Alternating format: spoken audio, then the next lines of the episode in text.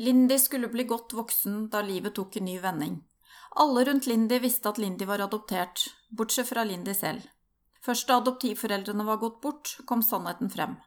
For Lindy kom det som et sjokk, og hun forteller om reaksjoner, tanker og følelser. Lindy ønsker etter hvert å komme til bunns i egen historie, og starte prosessen med å finne dokumentasjon på adopsjonen. Hun starter også søk på biologisk familie, og er så heldig å få møte sin biologiske mor før hun går bort. Lindy har funnet både søsken og øvrig familie, og gleder seg i dag over å ha doblet antall familiemedlemmer. Eh, hei, Lindy. Det var veldig hyggelig at jeg fikk komme hjem til deg og høre din historie. Jeg vet jo at du i eh, sen alder, voksen alder, eh, fikk greie på at du var adoptert. Men kan ikke du fortelle litt fra begynnelsen om hva du vet fra den tiden, og hvordan adopsjonen foregikk? Jo, det kan jeg gjøre.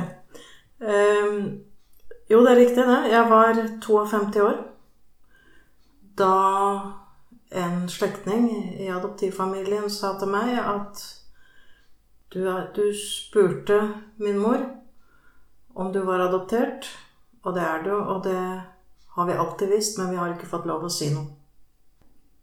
Det var en uh, veldig spesiell opplevelse, for å si det mildt. Hvis jeg skulle tegnet det eller malt det, så ville jeg eh, malt det sånn at alt bak meg ble sort, for historien forsvant. Men uh, med flere års leting og, og, søking, så har jeg jo fått vite det som finnes å vite. Men det har vært et møysommelig arbeid. Det er ikke sånn at man tar en telefon, og så får man papirer tilsendt. Så det tok jo, tok jo flere år, og det var mye venting. Og slitsom venting, som alle vet, som har vært i lignende situasjoner. Uansett om det gjelder adopsjon eller andre ting. Jeg er altså født i, i 49 i Oslo. Um, og var på Rosenvildes spedbarnshjem.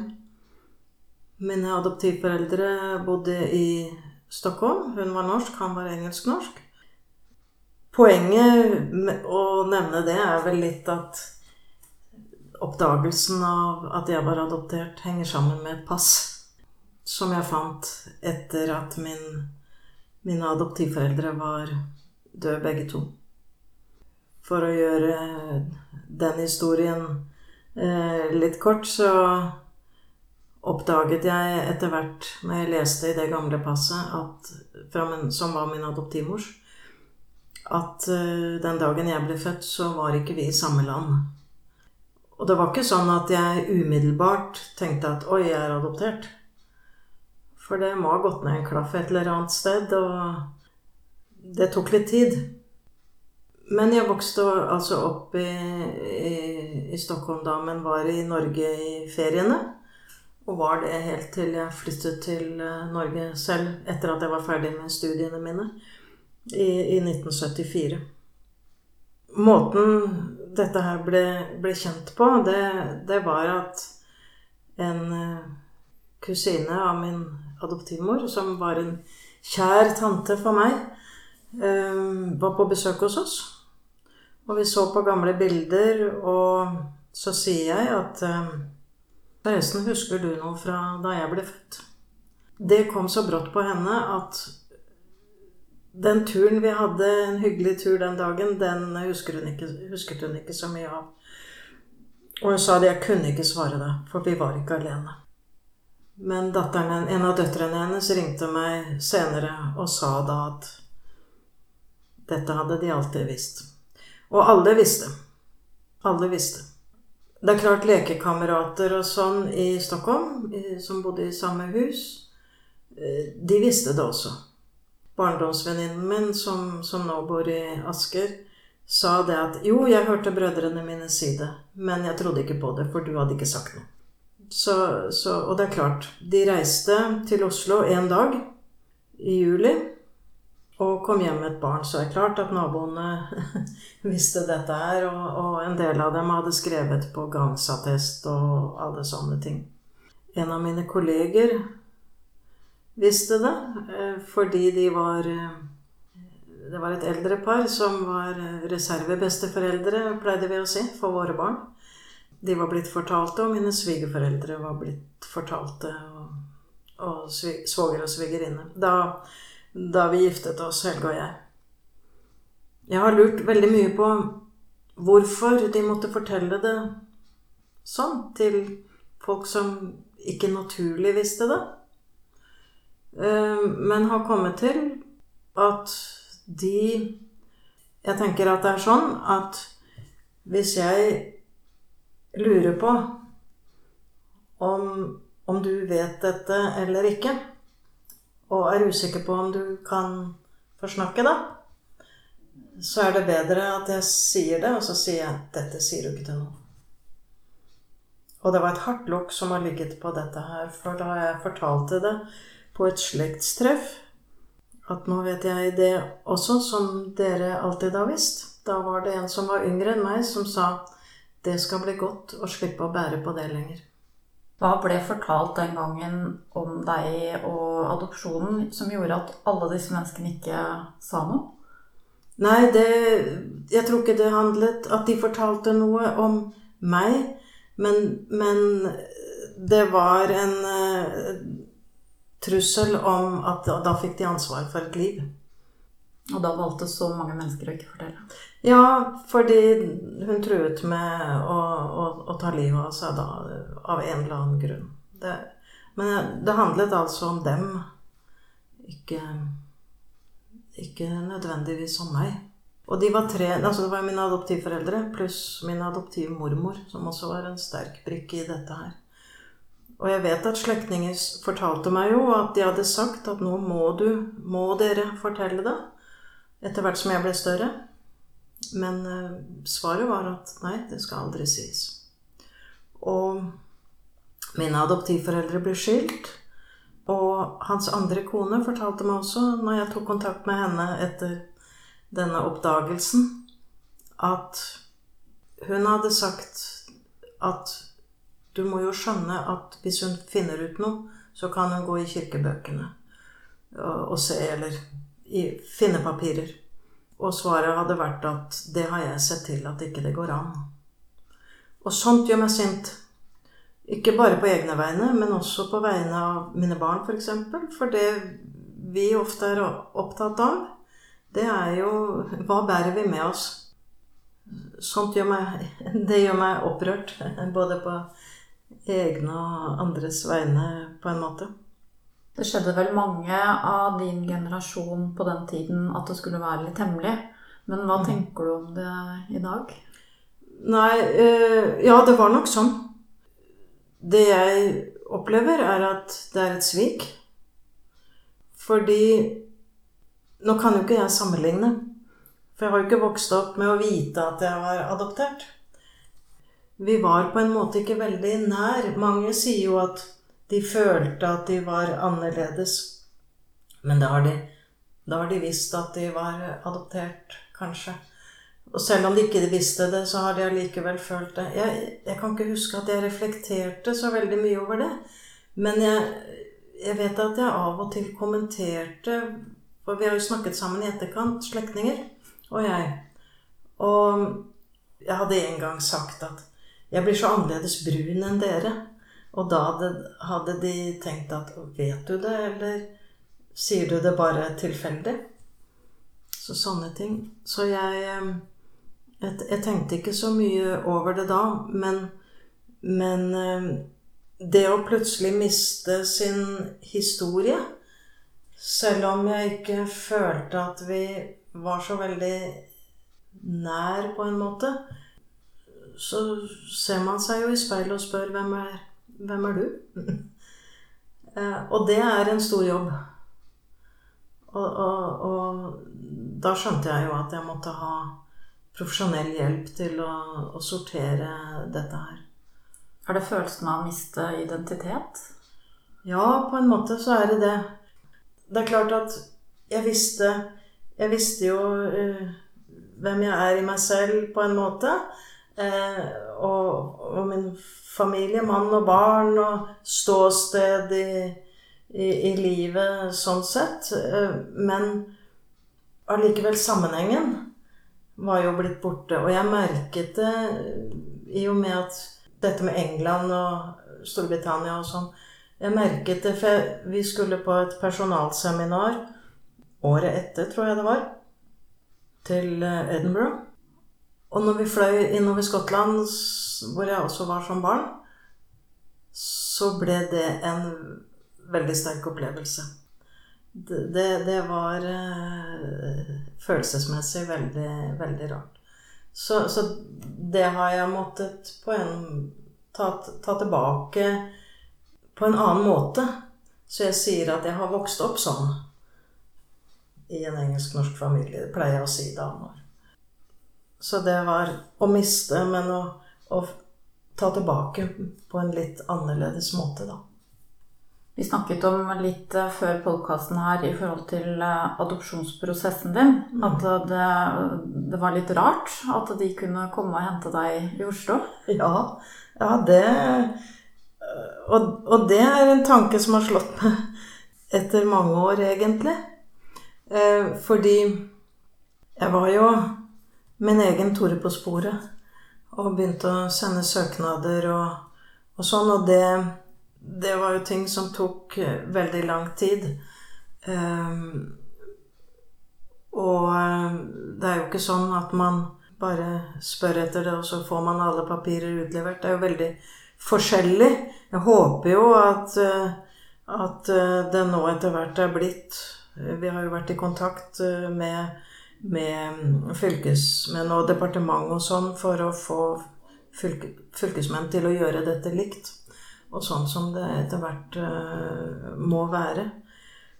Så når jeg fikk til slutt alle papirer De første sendingene jeg fikk fra Statsarkivet via Fylkesmannen, det, det var ganske mye. Men jeg syns det var en del som ikke hang sammen. Og når jeg da etter flere år fikk um, alt gjennom Byarkivet i Oslo. Så skjønte jeg hvorfor jeg syntes det var litt usammenhengende. For de hadde ikke kopiert alle baksidene. Men, eh, men, nå hadde jeg jo det. Og da oppdaget jeg at mine adoptivforeldre var én dag i Oslo. Da hadde de fått vite at det var eh, De hadde et pikebarn som kunne passe. Eh, og de kunne komme og se på det. Og hvis de likte det, så kunne de få det barnet. Sånn står det. Um, og de har øyensynlig likt det de har sett, da. Så, men de ville ha meg med med en gang. Og jeg var ikke, holdt på å si Jeg vet ikke hvilket ord jeg skal bruke. Klarert av legen. Fordi jeg var født for tidlig og, og hadde vært på sykehus og, og, sånn mens jeg var på barnehjemmet. Så, så jeg var ikke klar for at de kunne godkjenne adopsjon. Og det var heller ikke skrevet noen adopsjonssøknad ennå, eh, for den saks skyld. Så, eh, så, den kontakten de hadde hatt med Oslo helseråds adopsjonskontor, det, det var jo sånn foreløpige søknader. Og dessuten så var det jo passplikt på den tiden. Og man kan jo ikke Eh, selv om man, man kunne jo ikke gi et, et, barn eh, et pass sånn uten videre. Eh, man ble vel ført inn i foreldres pass vanligvis. Men de, man kan jo ikke føre inn et barn som ikke juridisk sett er deres, i et pass. Og dette passet har jeg jo sett, og der står det ingenting. Min adoptivpar hadde britisk pass, men, og det er jo borte for lenge siden. Men jeg regner jo med at det var like Det ville ikke vært noe enklere å gjøre det der, og uansett gjør man ikke det på en ettermiddag. Men det ble oppnevnt en eh, verge, sånn hjelpeverge, som fantes på kontoret der. En helsesøster.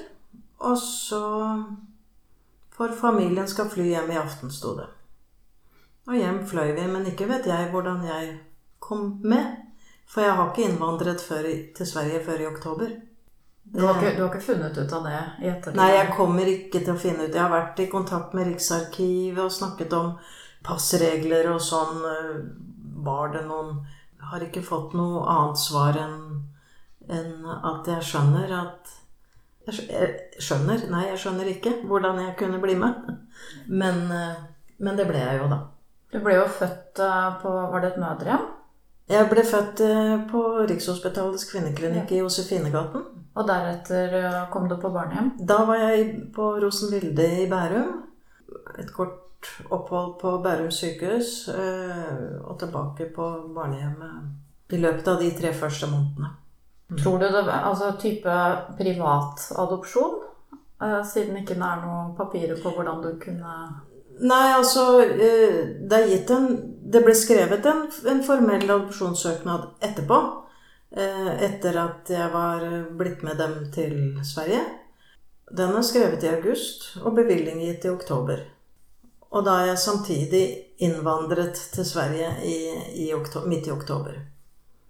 Så, så den turen fra Oslo til Stockholm med fly i juli den eh, kan jeg ikke helt skjønne hvordan Jo, jeg kan jo skjønne at, eh, at de har båret meg med, men hvordan de har kommet gjennom passkontrollen, det, det har jeg litt vanskelig for å forstå, da.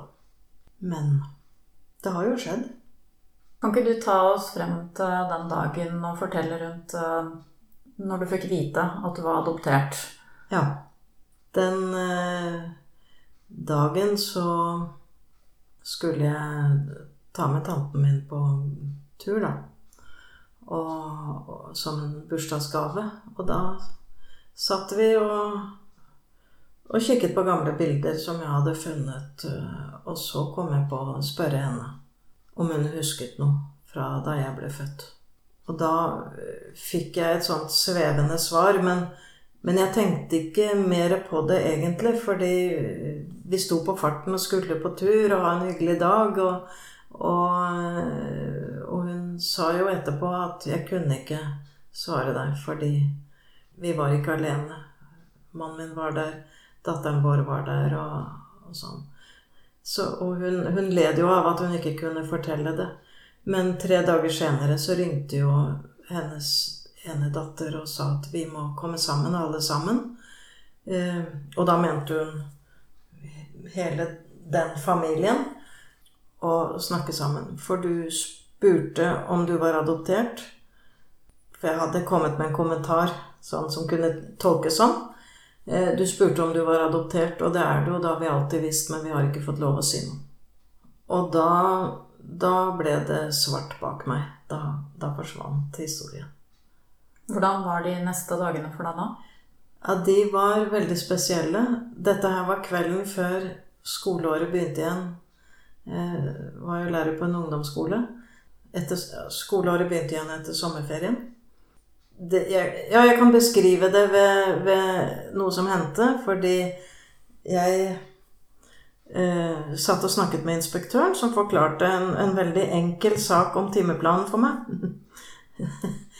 Og da sa jeg til henne kan du bli med meg ut på gangen, for jeg skjønner ikke hva du sier. Jeg hadde ikke skjønt på forhånd at jeg ikke ville skjønne hva som det, Så det ble en liksom en, en veldig spesiell opplevelse. At man ikke skjønner hva som blir sagt til en. Det Men, men jeg hadde en fabelaktig ledelse på den skolen som var veldig fleksibel og lot meg også ha mulighet for å være til og fra, holdt jeg på å si, når det, når det trengtes. En god ledelse viser seg når livet ikke alltid er like enkelt for de ansatte, tenker jeg. Hvordan reagerte mann og barn? Mannen min sa at det spiller ingen rolle for meg. Og barna våre var jo flyttet ut, eh, og vi samlet dem da litt senere. Datteren vår, som er eldst, eh, reagerte nok mest. Sønnen vår eh, hadde ikke så mye minner. Eh, ikke av min adoptivmor, henne kunne han vel knapt huske. Men, men min adoptivfar, ettersom han hadde bodd i Oslo i en del år før han flyttet tilbake til Sverige. Og han, hans reaksjon har nok ikke vært såpass sterk som, som, som datteren vår hadde. Men etter hvert eh, så har de jo blitt påvirket av dette, og det, det er jo også noe som jeg ser i ettertid. Eh, jeg kan bare takke for at jeg har den familien jeg har, som, som har latt meg være i den prosessen. For den Jeg kan godt tenke at det ikke er noen selvfølge, fordi det Man lever inni en boble. Jeg gjorde det. Og, og for barna våre skjønner jeg nå at det ble nok veldig mye adopsjon en stund. Og det er klart også når jeg etter hvert fant biologisk familie. Utvides boblen. For det er også en, en voldsom opplevelse, egentlig. Men du sier du trengte jo tid til å bearbeide følelsene dine i etterkant. Men var det mye bitterhet, eller var det mest at du var lei, lei deg for at du ikke visste historien? Nei, bitterhet tror jeg ikke jeg kan si at jeg har hatt. Men jeg hadde en venninne som jobbet med mennesker, holdt jeg på å si, og, og, hun sa hele tiden at du må få ut sinnet ditt. Og det, det, det tok tid, men, men, det kom etter hvert. Sint var jeg. Jeg var ikke Jeg var ikke Det var ikke noen sorg over å miste dem som foreldre. For det var nok sånn at jeg har ikke hatt en vond oppvekst, men jeg har hatt en litt merkelig oppvekst. Og, og, og jeg har pleid å si at de på en måte adopt, eh, abdiserte som foreldre. Så, så, det var ikke den sorgen. Det var mer, den følelsen av svik. Om det kan beskrives som bitterhet, det vet jeg ikke. Jeg har ikke tenkt på det som det. Men, men eh, et svik er det fordi en, en, en hvis man vokser opp med å vite at man er adoptert, så, så, vet man det i hvert fall. Og uansett hvordan livet har vært, og om det har vært godt eller vondt og vanskelig, så er det integrert. Jeg måtte på sett og vis finne tilbake, da. Eller hva man skal si. Følte du det som et svik fra de andre rundt da, som visste og ikke fortalte? Nei, det gjorde jeg ikke. Og det har jeg Det, det får jeg i grunnen ofte spørsmål om. Hvorfor altså, Er du ikke sint for at de sa noe? Så, og da sier jeg det at nei. Eh, for de hadde ikke noe valg. Og det vet jeg bedre enn alle andre, for jeg kjente dem. Kanskje kan det illustreres også hvis jeg hopper litt tilbake til barneskolealder, for jeg husker at jeg gikk eh, sammen med en klassevenninne. Da gikk vi kanskje i femte klasse eller noe sånt. Og så spør hun plutselig er du adoptert. Da har hun kanskje hørt noe i skolegården, hva vet jeg. Så sa jeg nei. Og da har jeg ofte tenkt at hadde våre barn fått et sånt spørsmål, så ville de jo kommet hjem og sagt Vet du hva hun spurte om? Men jeg gjorde ikke det. Og det spurte jeg psykologen om. Og da sa han nei, det har et, da, da, har det ligget et så hardt lokk på at man ikke snakker om Og vi snakket egentlig ikke om Ikke før jeg skulle konvertere til den katolske kirke, visste jeg jo når jeg var døpt for eksempel. Eh, når jeg fikk en sånn eh, attest fra, fra, Sverige. Så Nei, ikke Ikke, ikke, ikke bitterhet, men, men et, et, sinne, da. Mm. Du har jo funnet eh, biologisk opphav. Mm. Eh, tok det deg lang tid før du tenkte at det skulle du gjøre? Nei Ja, altså Ikke jeg husker ikke når jeg bestemte meg for det. Men da kan jeg sitere den tanten min igjen, fordi vi skulle ha dette slektstreffet bare én uke etter at jeg var blitt fortalt dette her. For da samlet vi oss øh, og, og, og, snakket om dette her øh, og, og, hvorfor de var lei seg for at ikke de hadde kunnet si noe sånn. Og når jeg på det slektstreffet da fortalte det Nei, og da min tante spurte, eller sa, at det skal ikke skje at, ikke, at, ikke, at hun får vite det av noen andre enn oss. Og, og, hun visste at Eller de visste at jeg kom ikke til å gi meg før jeg vet det som er å vite. De kjente meg godt da. Så jeg er vel litt sånn. Så jeg kan ikke huske at jeg sa til meg selv, eller bestemte meg for at jeg må Nå må jeg finne dem.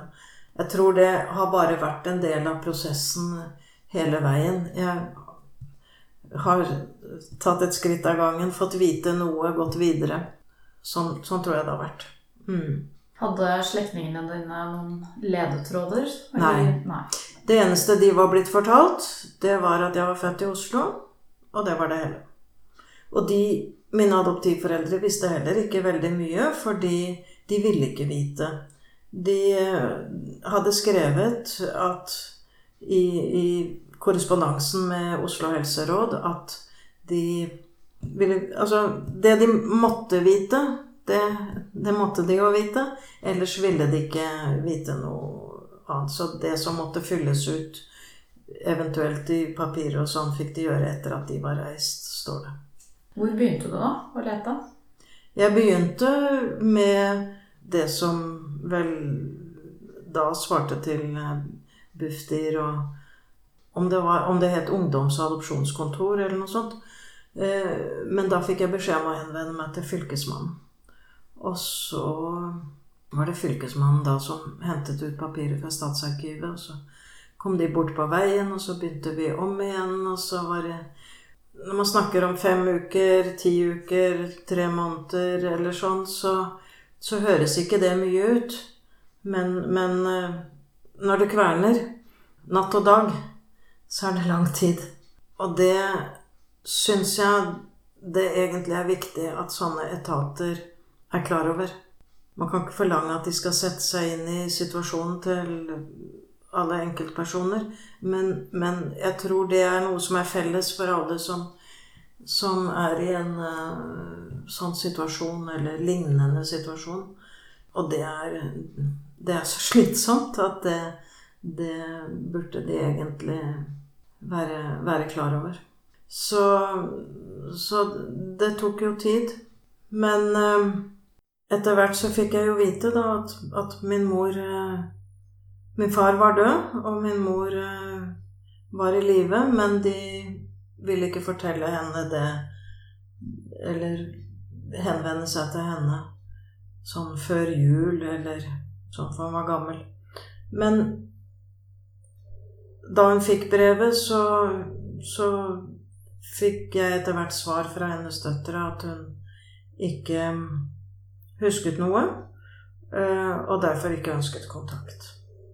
Og det er selvfølgelig en tung beskjed å, å få. Men da visste jeg hvor hun var.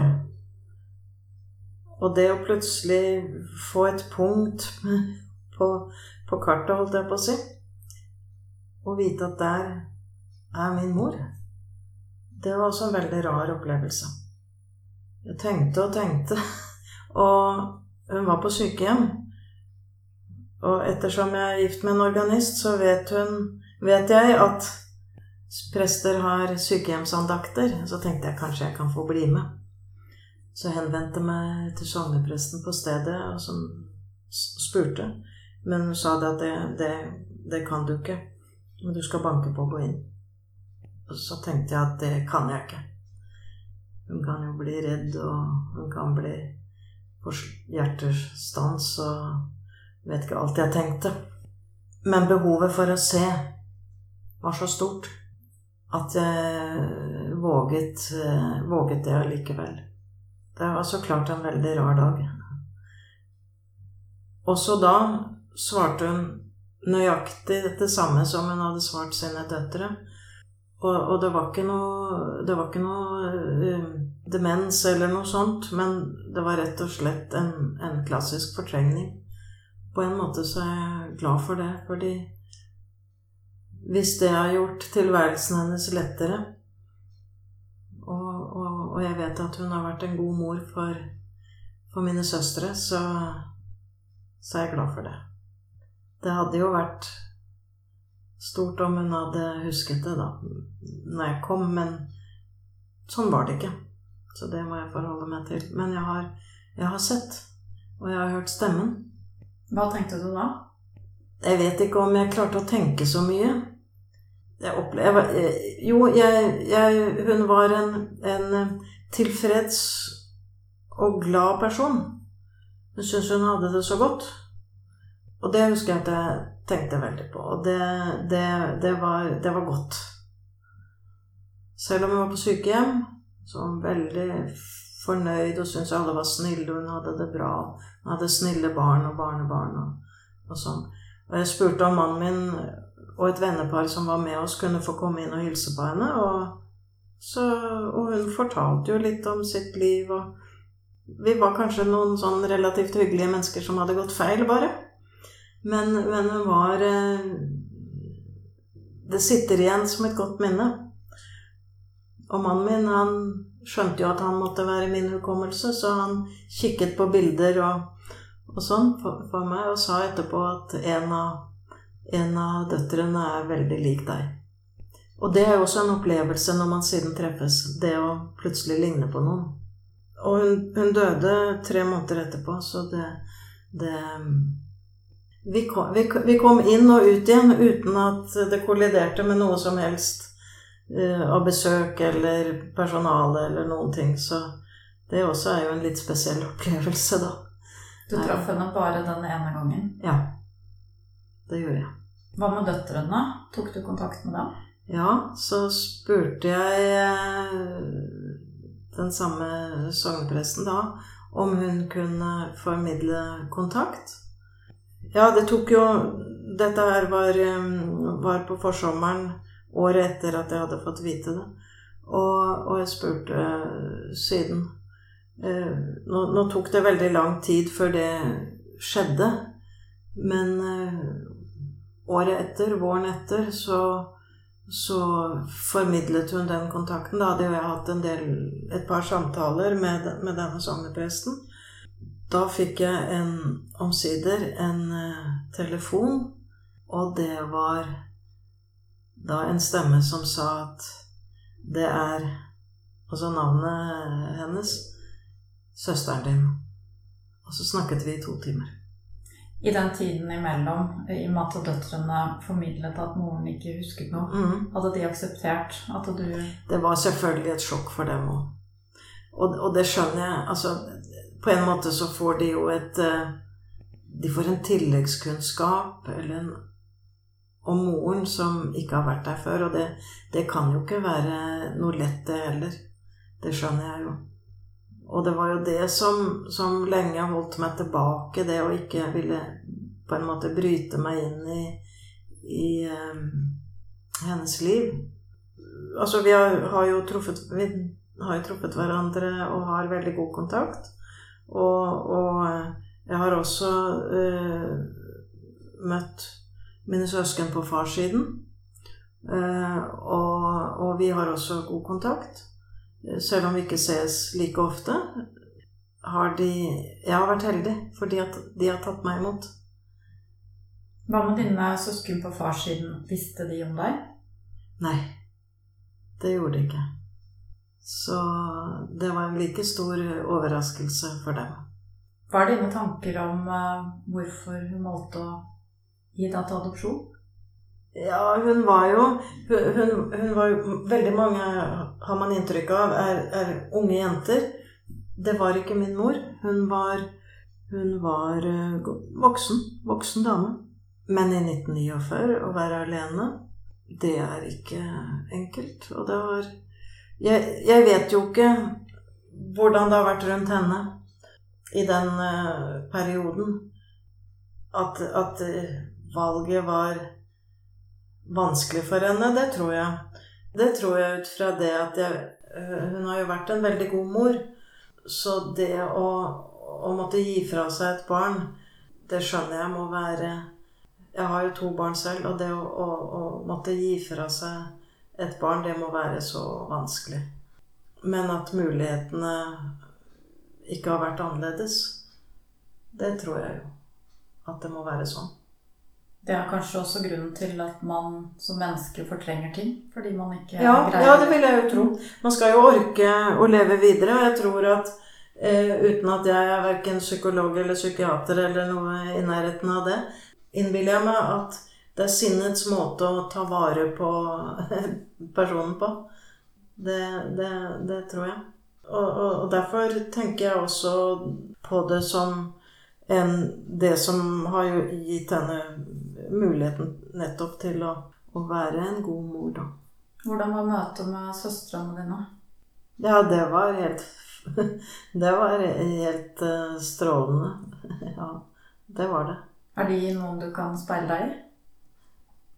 Ja, altså som jeg ser eh, Særlig den Altså søstrene mine på morssiden, der er det jo større likhet sånn sett.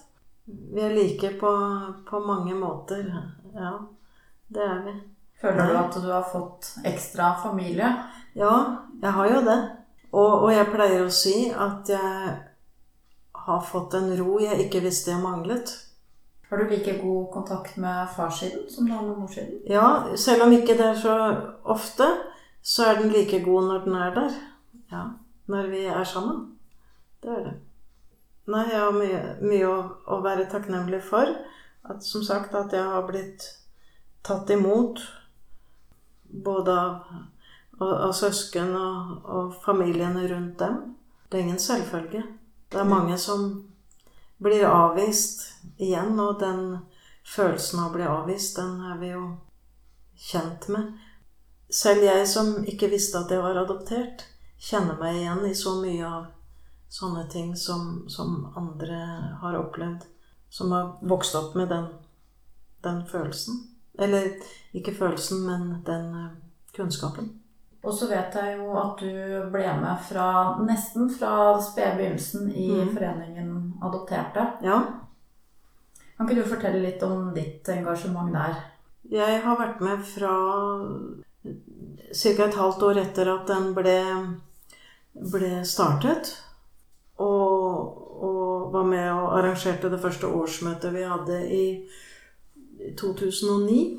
Det er flere sider ved det å være med i den eh, foreningen, men det er en viktig forening. Vi er, ikke, vi er jo ikke så fryktelig mange medlemmer ennå. Man tenker på det antallet som ble adoptert eh, på 40-, og 50- og 60-tallet. Men eh, vi vokser vel sakte, men, men sikkert. Og, og, og, kanskje er det ikke så dumt at det ikke går for fort heller. Fordi det er jo mennesker i, i sårbare situasjoner som, som er medlemmer. Og, og, det er jo to sider ved, ved den foreningen som jeg syns er veldig viktig. Det ene er jo at vi har et møtested, og at vi kan snakke sammen, dele erfaringer, fortelle hverandres historier og, og dele tanker og, og, sånn. Og vi pleier å si det at uh, her kan vi fortelle og, uten å måtte forklare. Det er en viktig De treffene er, er viktige. Uh, og så er det det foreningen jobber for altså, i samfunnet, da, med, og det jeg syns er særlig viktig, er jo Og der vi ikke har, har kommet i, i, mål, det er å, å få til forskning. For det begynner å haste. Vi begynner å bli gamle hvis vi skal kunne formidle noe, eller, eller eh, Det er jo andre kilder også, selvfølgelig, som forskerne må bruke, men det håper jeg at vi kan få til. Men det, har vi noen som er interessert, så har vi ikke penger. Altså det er, det er eh, på en måte De to tingene er avhengige av hverandre, og de må være der samtidig eh, for at vi skal få det til. Men det tror jeg er uhyre viktig. Og, jeg skulle ønske at vi kunne finne midler, så vi hadde det å tilby en, en forsker. Jeg tenker bl.a. på sånne ting som dette med min uh, historie med, med, pass, ikke pass, hvordan Altså, legen hadde sagt jeg skulle ikke adopteres bort ennå. Det ble likevel gjort. Hvordan kom det i stand? Og det var, det var jo ikke noen private formidlere som som sto for det, det var eh, Oslo helseråd. Så, så det, det, håper jeg. Og så har jo også foreningen vært eh, høringsinstans og, og, og, sånn i forbindelse med den nye adopsjonsloven. Det er eh, mye godt arbeid som er gjort på, på de få årene, de ti årene. Vi håper jo at vi skal få til mer, da.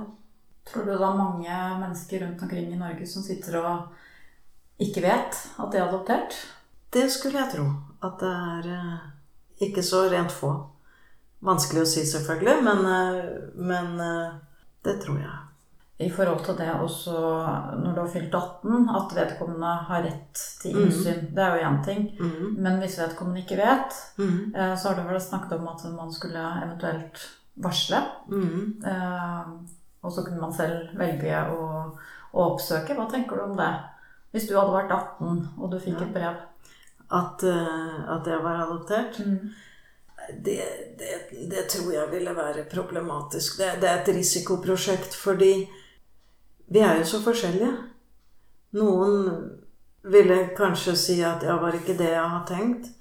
Og, og være glad for det, mens det for andre kan være en katastrofe. Og det kan man jo ikke vite på forhånd hvis det skal være en generell eh, regel, det der. Nei, det syns jeg ville være problematisk. Om det går bra for mange, men blir en katastrofe for noen, så er, er, eh, er det jo allikevel eh, Den katastrofen skulle ikke, skulle ikke vært. Når vi snakker om forskning, er det viktig for deg å få dokumentert adopsjonshistorien i Norge? Ja, jeg syns det. Det er en del av norsk historie, det også. Og, og kunnskap Altså historie Vi sier jo alltid at vi må, vi må kjenne historien. Eh, og da tenker jeg ikke bare på adopsjonshistorie, men når vi snakker om historie i det hele tatt, at vi må, vi må kjenne det for å, for å kunne ikke begå samme feil videre i fremtiden. Og det gjelder jo også dette her. Jeg syns det er viktig. Og derfor syns jeg det haster litt. Det har jo tatt tid, som du sier. Er det fordi det er mye som ikke tåler dagens lys? Jeg tenker på det med kunnskapen om norsk adopsjonshistorie. Ja, det fins nok en del som vil være Hva skal man si rystende eller oppsiktsvekkende. Det tror jeg. Men om det er det, om det er bevisst holdt nede av myndigheter, ja, man kan jo spekulere, men det blir spekulasjon. Men det kan jo føles sånn, selvfølgelig. Man kan jo tenke det, men kan, kan jo ikke dokumentere at det er faktisk sånn. Men av og til så kan man jo tenke at det kanskje kan være det, da. Mange jeg snakker med, de betegner enten det å få vite at de er adoptert, eller møte med biologisk familie som et vendepunkt i livet. Altså før og etter. Hva tenker du om det? Jo, det er det jo. Absolutt. Blant annet det jeg pleier å si at jeg har, som jeg sa i sted, at jeg har fått en ro jeg ikke visste jeg manglet. Syns jeg kan beskrive det. Og det, det sa datteren vår en gang også. At, at hun merket at det er et vendepunkt. Ja, det er det. Hva betyr det å øh, forene Altså Foreningen adopterte, det å være en gjeng som har samlet og sånn, hva betyr det? Er det viktig å være sammen om, om denne ene tingen? Ja, ja, det er viktig at den fins. Og det er viktig at muligheten fins.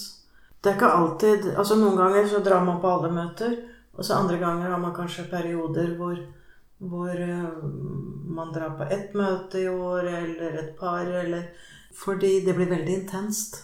Men, men på en eh, positiv måte i og for seg, men det er intenst. Og, og de som er første gang, kan også merke man kommer hjem at at det har vært en, en veldig eh, Det er mye som virvles opp, for å si det sånn, i sånne samtaler. Så, så, så det kan jo gå litt i bølger, og, og, men, men veldig viktig at den finnes. Eller jeg er glad for å kunne tenke på at jeg både, både har, har foreningen der, men at jeg har kunnet bidra i arbeidet, da. Det at du fikk vite så sent uh, at du er adoptert uh, Jeg vet at uh, du tenker, har mange tanker rundt det. Mhm. Hva, hva er det viktigste rundt akkurat det som skjedde deg? Ja, hva tenker du da det viktigste Du har tatt med deg av erfaring. Mm. Ah, ja, sånn. Nei, det, det viktigste mm, Det jeg sitter igjen med sånn, er at det er Barn må få lov å vite det. De må få vokse opp med, med den eh, kunnskapen. Det skal ikke komme som et, som et sånn uh, lynnedslag. Enten man er 52 eller 60 eller 68 eller For det blir en veldig, veldig omveltning og en veldig stor jobb, både med en selv og, og familien, sånn som jeg sa i sted. Jeg har en utrolig tålmodig familie. Det blir jo en påkjenning for, for de rundt også. Så, så, når man går inn i sånne prosesser For en lever jo inni, inni sitt eget hode. Jeg pleier å si at de kjører film hele tiden.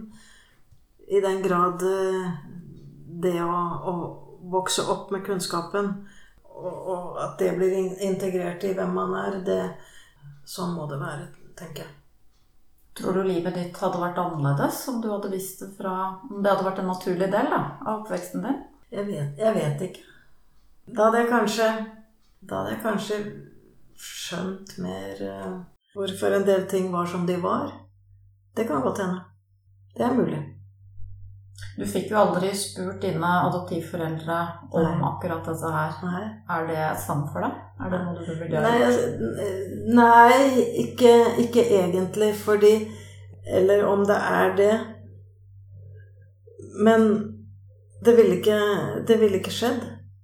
Fordi at eh, det var ingen som turte å si noe eh, før de var døde.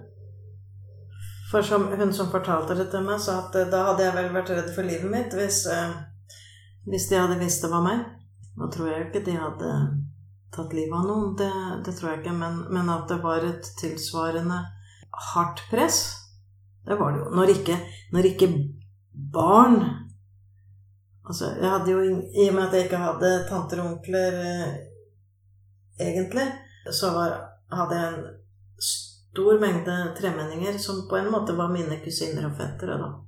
Og når ikke et eneste barn forsnakker seg, da, da er det et hardt lokk eller trykk på dem, da. Det må det jo være. Du fortalte at når du giftet deg, så fikk jo dine svigerforeldre vite om det. Ja. Eh, hvorfor var det viktig at de skulle vite dette her, og ikke dere?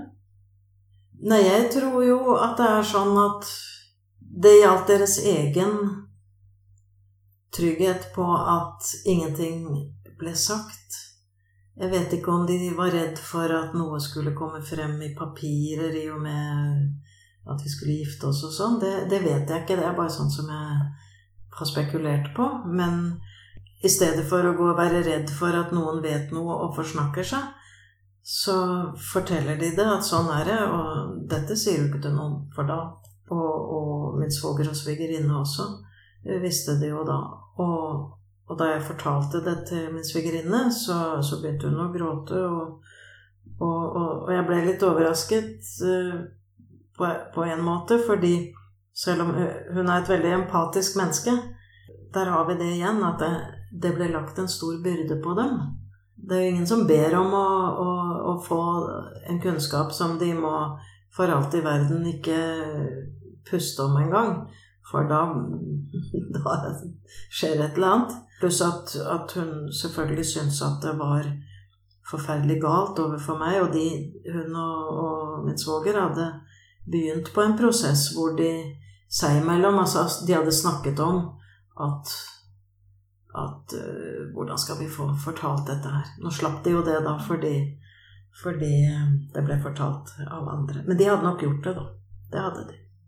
Ja, for etter at dine adoptivforeldre døde, så mm. sto jo folk mye friere til, ja. å, til å gjøre det. Ja, de gjorde jo det. Mm. Ja.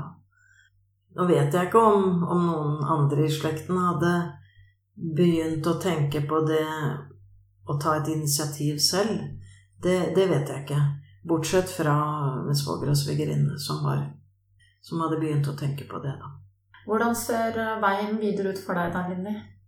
Ja Nei, vi Nå har jeg jo både min nære familie og, og, og, og slekt og, altså biologisk familie og adoptiv slekt jeg har ikke så, så veldig mye kontakt med den altså ytterste slekten, men den familien som, som jeg da nå har fortalt om, eh, de er fortsatt like nær og kan aldri bli annet. De er eh, akkurat like viktige som de har vært før. jeg har jo mange, mange mennesker å, å takke for, da. Har jo det. Og i tillegg så har vi fått et barnebarn, så da Det er også en stor ting i livet. Nei, sånn som, sånn som jeg har blitt tatt imot av, eh, av biologisk familie, det er, skulle jeg ønske alle, alle ble. Som er i den situasjonen. Da vil jeg bare si tusen takk til deg, Linni, for at du ville dele din historie. Ja, takk eh, til deg også.